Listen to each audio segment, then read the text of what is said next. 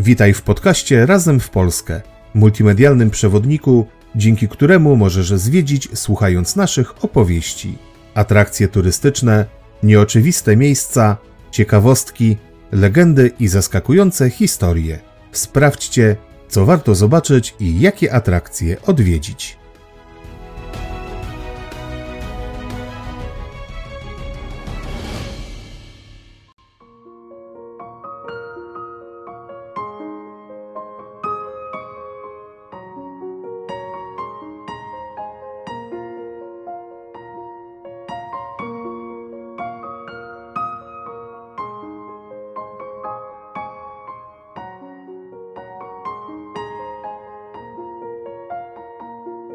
Dlaczego mały Chopin nie cierpiał muzyki? Czemu tak niewiele zostało z dworu, w którym urodził się kompozytor? Jak na pianistę wpłynęła kryminalna przeszłość rodziny i co z nimi wspólnego miała słynna kochanka Napoleona? Oraz jak nastoletni Fryderyk uniknął skandalu obyczajowego? Odpowiedzi na te pytania poznacie podczas dzisiejszej wycieczki śladami młodego Fryderyka Chopina na Mazowszu.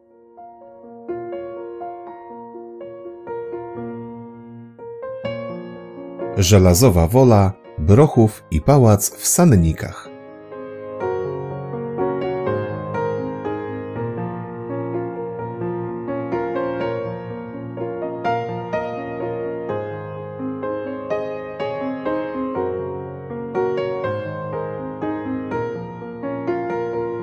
Zabieramy Was dziś na wycieczkę po niewielkich miejscowościach położonych w okolicy Puszczy Kampinoskiej w województwie mazowieckim. Oprócz Warszawy są to najważniejsze miejsca związane z młodością Fryderyka Chopina i zapewne miały ogromny wpływ na kształtowanie się młodego artysty. Wybraliśmy dla Was trzy miejscowości, w których zachowały się do naszych czasów obiekty związane z kompozytorem i w których można poczuć jego duchową obecność do dziś. Sprawdźcie z nami, dlaczego warto odwiedzić żelazową wolę, Brochów i Sanniki.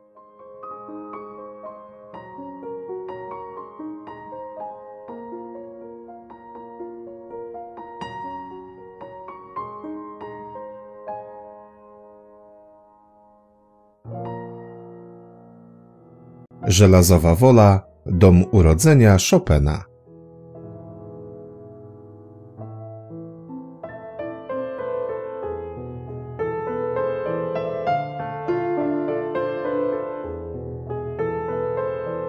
Żelazowa Wola chyba wszystkim kojarzy się od razu z Fryderykiem Chopinem. W tej niewielkiej miejscowości oddalonej o 3 km od Sochaczewa, w otulinie Puszczy Kampinoskiej, urodził się najwybitniejszy polski kompozytor. Żelazowa Wola była w tym czasie własnością rodziny Skarbków, choć po ucieczce Kacpra Skarbka przed wierzycielami majątkiem zarządzała Ludwika Swengerów Skarbkowa. To ona w 1802 roku zatrudniła Mikołaja Chopina na nauczyciela swoich dzieci.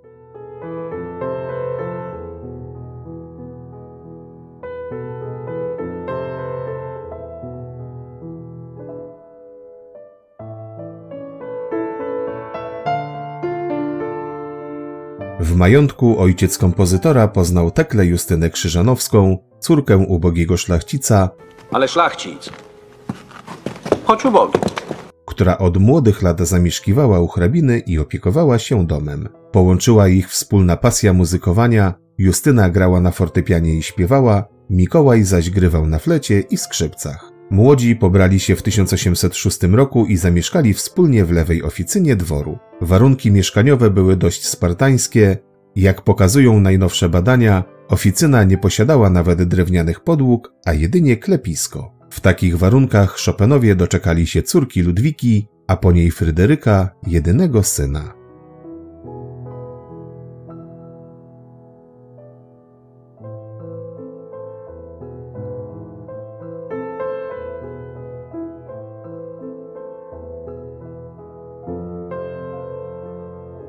Mikołaj Chopin był rdzennym Francuzem z Lotaryngii, a wśród jego protoplastów znajdowali się lokalni rolnicy, kołodzieje, hodowcy winorośli oraz przemytnicy tytoniu. Przez to od lat trwają spory między Polską a Francją o narodowość Fryderyka, który zgodnie z kodeksem Napoleona po ojcu był Francuzem. ale przecież zdecydowanie większe znaczenie niż geny miało jego poczucie tożsamości narodowej. Kompozytor czuł się głęboko związany z krajem, w którym przyszedł na świat, co wielokrotnie sam podkreślał. Zresztą zgodnie z ostatnią wolą pianisty w styczniu 1850 roku jego siostra Ludwika przywiozła do Polski jego serce. Wszystkie te dywagacje trafnie podsumował Cyprian Kamil Norwid. Rodem warszawianin, sercem Polak, a talentem świata obywatel.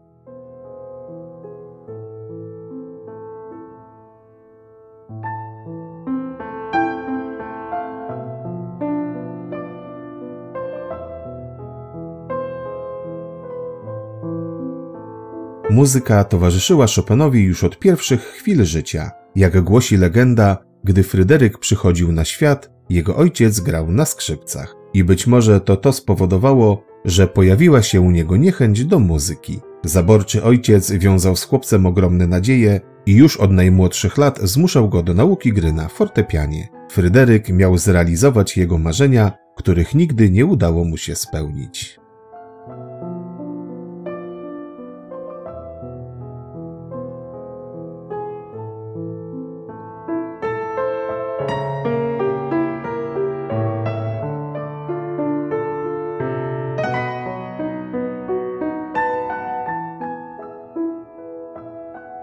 Chopinowie po pół roku od narodzin Fryderyka przenieśli się do Warszawy, gdzie Mikołaj otrzymał posadę w liceum i zamieszkali w Pałacu Saskim. Dworek Skarbków spłonął zaś w 1812 roku i nie nadawał się do zamieszkania, choć w stosunkowo najlepszym stanie zachowała się właśnie lewa oficyna. Nigdy nie został też odbudowany, gdyż rodzina Skarbków nie posiadała wystarczających środków finansowych na jego odbudowę.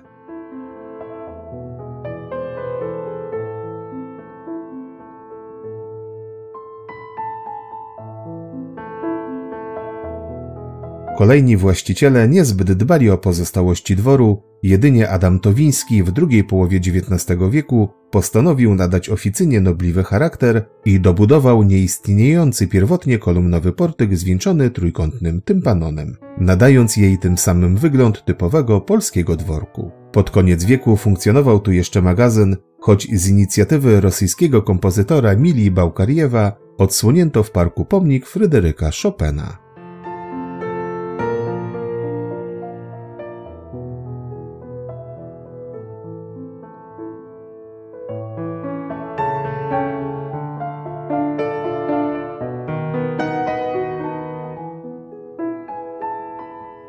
Do dzisiaj z całego potężnego majątku skarbków pozostał tylko ten jeden obiekt, druga z oficyn wraz z zabudowaniami gospodarczymi zostały zniszczone w czasie I wojny światowej. Po II wojnie światowej podjęto decyzję o utworzeniu tu muzeum, jednak całe eksponowane wyposażenie nie było nigdy związane z rodziną i osobą Fryderyka Chopina. Z powodu braku dokumentów dotyczących pierwotnego wyglądu wnętrz oficyny postanowiono odtworzyć aranżację typowego polskiego dworu. Najnowsze badania pokazują, że obecne wnętrza nie mają nic wspólnego z o wiele skromniejszym wyglądem z początku XIX wieku.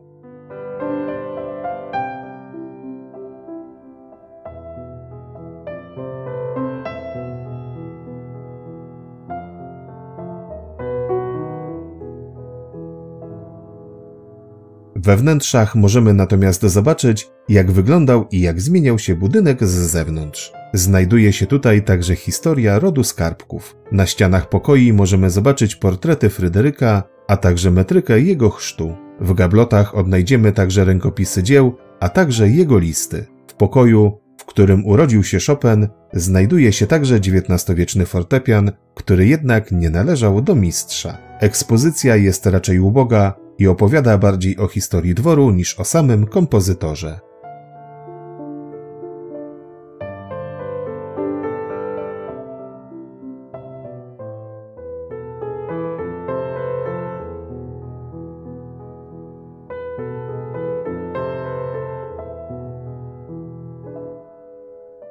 Tym, co najbardziej przyciąga do żelazowej woli, jest bez wątpienia zaprojektowany z ogromną starannością przepiękny park. Spacerując alejkami mamy możliwość posłuchać cicho wydobywających się gdzieś z tła utworów Chopina. Jest tutaj także sporo ławeczek, na których można przysiąść i poczuć się jak uczestnicy koncertów dawanych przez samego mistrza. Melomani mogą wziąć także udział w organizowanych tu od maja do września koncertach na żywo.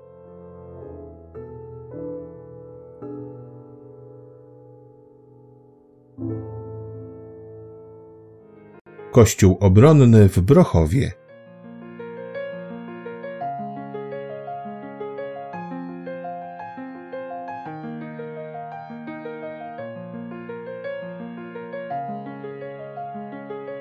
Pierwsze wzmianki o drewnianym kościele w Brochowie pochodzą z początku XII wieku. W wieku XIV Brochów stał się własnością Jana Sówki, który postanowił przyjąć nazwisko Brochowski. Z fundacji książąt mazowieckich wybudował on także murowaną świątynię, którą sfinansowano według niepotwierdzonych danych z okupu za niemieckiego rycerza Andrzeja z Danheim, gościa zakonu biorącego udział w krzyżackich wypadach na ziemie polskie. Co ciekawe, po wykupieniu Andrzej nie zamierzał wracać w swe rodzinne strony. Pozostał we wsi i nawet ożenił się z córką Jana, tym samym zostając gospodarzem tych ziem.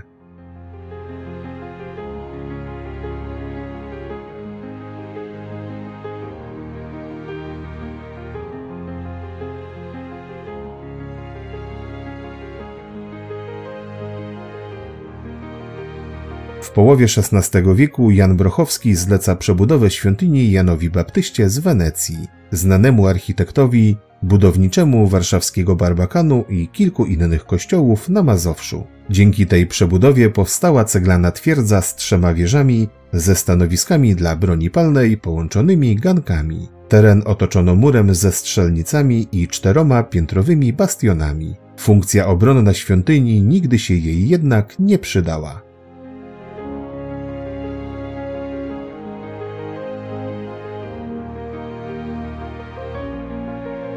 Kościół w Brochowie zasłynął jednak z innych wydarzeń. Mianowicie był ważnym miejscem dla zamieszkującej pobliską żelazową wolę rodziny Chopinów. W jego murach 2 czerwca 1806 roku odbył się ślub Mikołaja z Teklą Justyną Krzyżanowską, a w Wielkanoc 1810 roku ochrzczono ich syna Fryderyka Franciszka. I tu pojawia się zagadka dotycząca daty urodzenia Chopina. W księdze parafialnej wpisano 22 lutego, Matka zaś życzenia urodzinowe składała synowi zawsze 1 marca. Rozbieżność ta do dnia dzisiejszego nie została ostatecznie rozstrzygnięta, choć współcześnie pierwszeństwo oddaje się dacie obchodzonej przez samego kompozytora i jego najbliższych.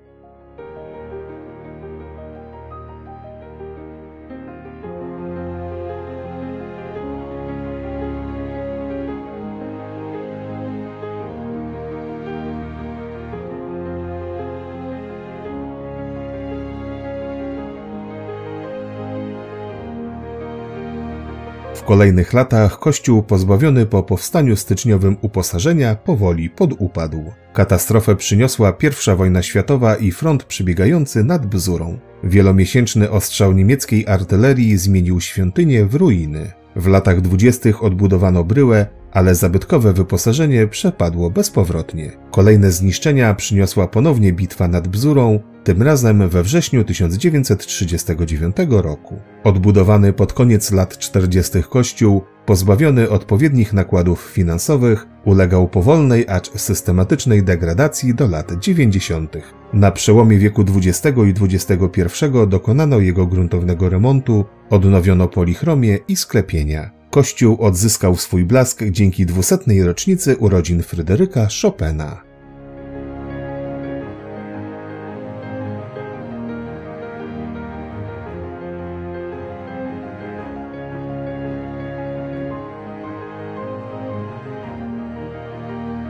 Obecny wygląd kościoła odbiega od XVI-wiecznego oryginału i jest rezultatem pospiesznych działań konserwatorskich pod koniec lat 40., robi jednak wrażenie na odwiedzających turystach. Warto go obejrzeć choćby ze względu na projekt, który był rzadko stosowany na ziemiach polskich, za to bardziej kojarzy się z włoską architekturą obronną.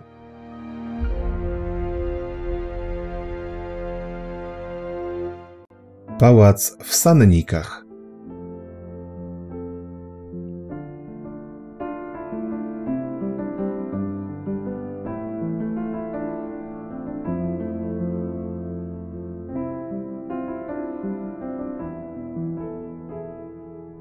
Sanniki to niewielka miejscowość leżąca w okolicach Sochaczewa, należąca do majątku rodziny Pruszaków, blisko związanej z Chopinami. Ich znajomość zaczęła się, gdy Mikołaj był guwernantem u rodziny Łęczyńskich, gdzie uczył m.in. Marię, późniejszą żonę szambelana Anastazego Walewskiego i kochankę Napoleona. W późniejszych latach Chopinowie byli często gośćmi w warszawskim domu Pruszaków, a młody Fryderyk był bardzo bliskim przyjacielem i kolegą ze szkolnych ław Konstantego Pruszaka.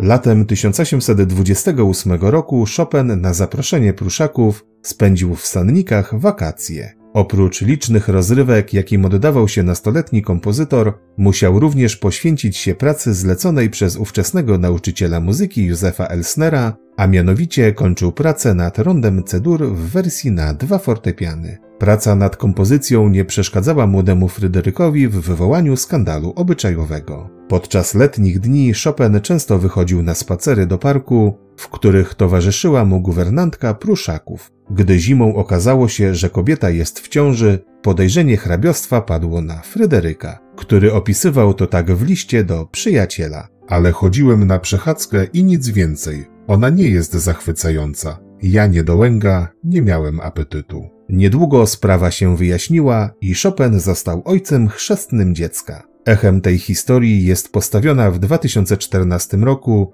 na terenie parku rzeźba autorstwa Bartłomieja Kurzei, która przedstawia grającego na fortepianie Fryderyka i zasłuchaną guwernantkę państwa Pruszaków.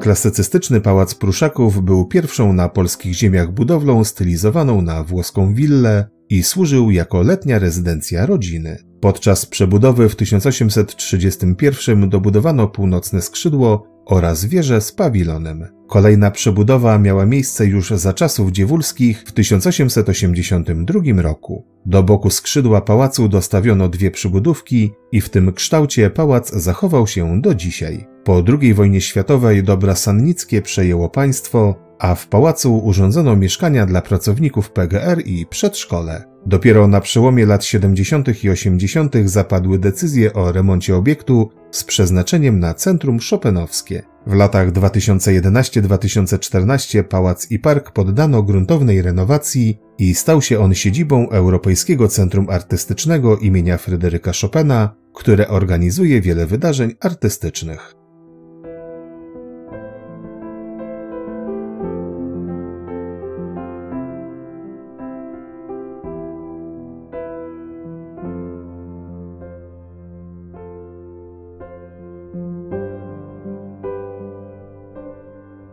Piętrowy pałac z końca XVIII wieku kryje wiele interesujących miejsc. Na szczególną uwagę zasługują przede wszystkim naścienne dekoracje malarskie pochodzące z różnych okresów od końca XVIII do drugiej połowy XIX wieku. Wewnątrz budynku odkryto także relikty dawnego przejścia podziemnego, niestety ze względu na zawalenie dalszej części nie wiadomo dokąd prowadziło. W dworach ziemskich częstym wyposażeniem salonu był fortepian. Dlatego w Sannikach kompozytor zapewne miał możliwość gry na instrumencie. Obecnie w pałacu prezentowany jest fortepian wyprodukowany przez firmę Antoniego Zakrzewskiego, na którym wedle tradycji rodziny Pruszaków grywał sam Chopin. Pałac jest jedynym na Mazowszu obiektem związanym z Fryderykiem Chopinem, który nigdy nie był rekonstruowany, a jedynie odnowiony.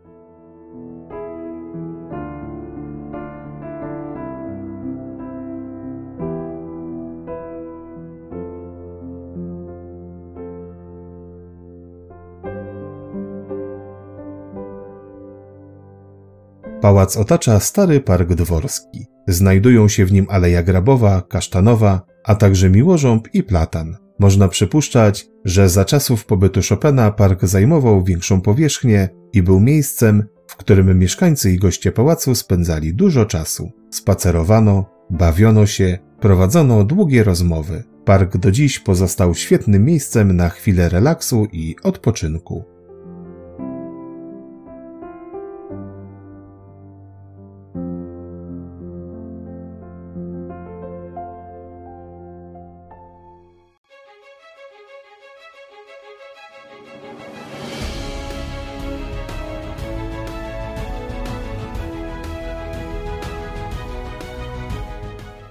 To już koniec naszej dzisiejszej opowieści.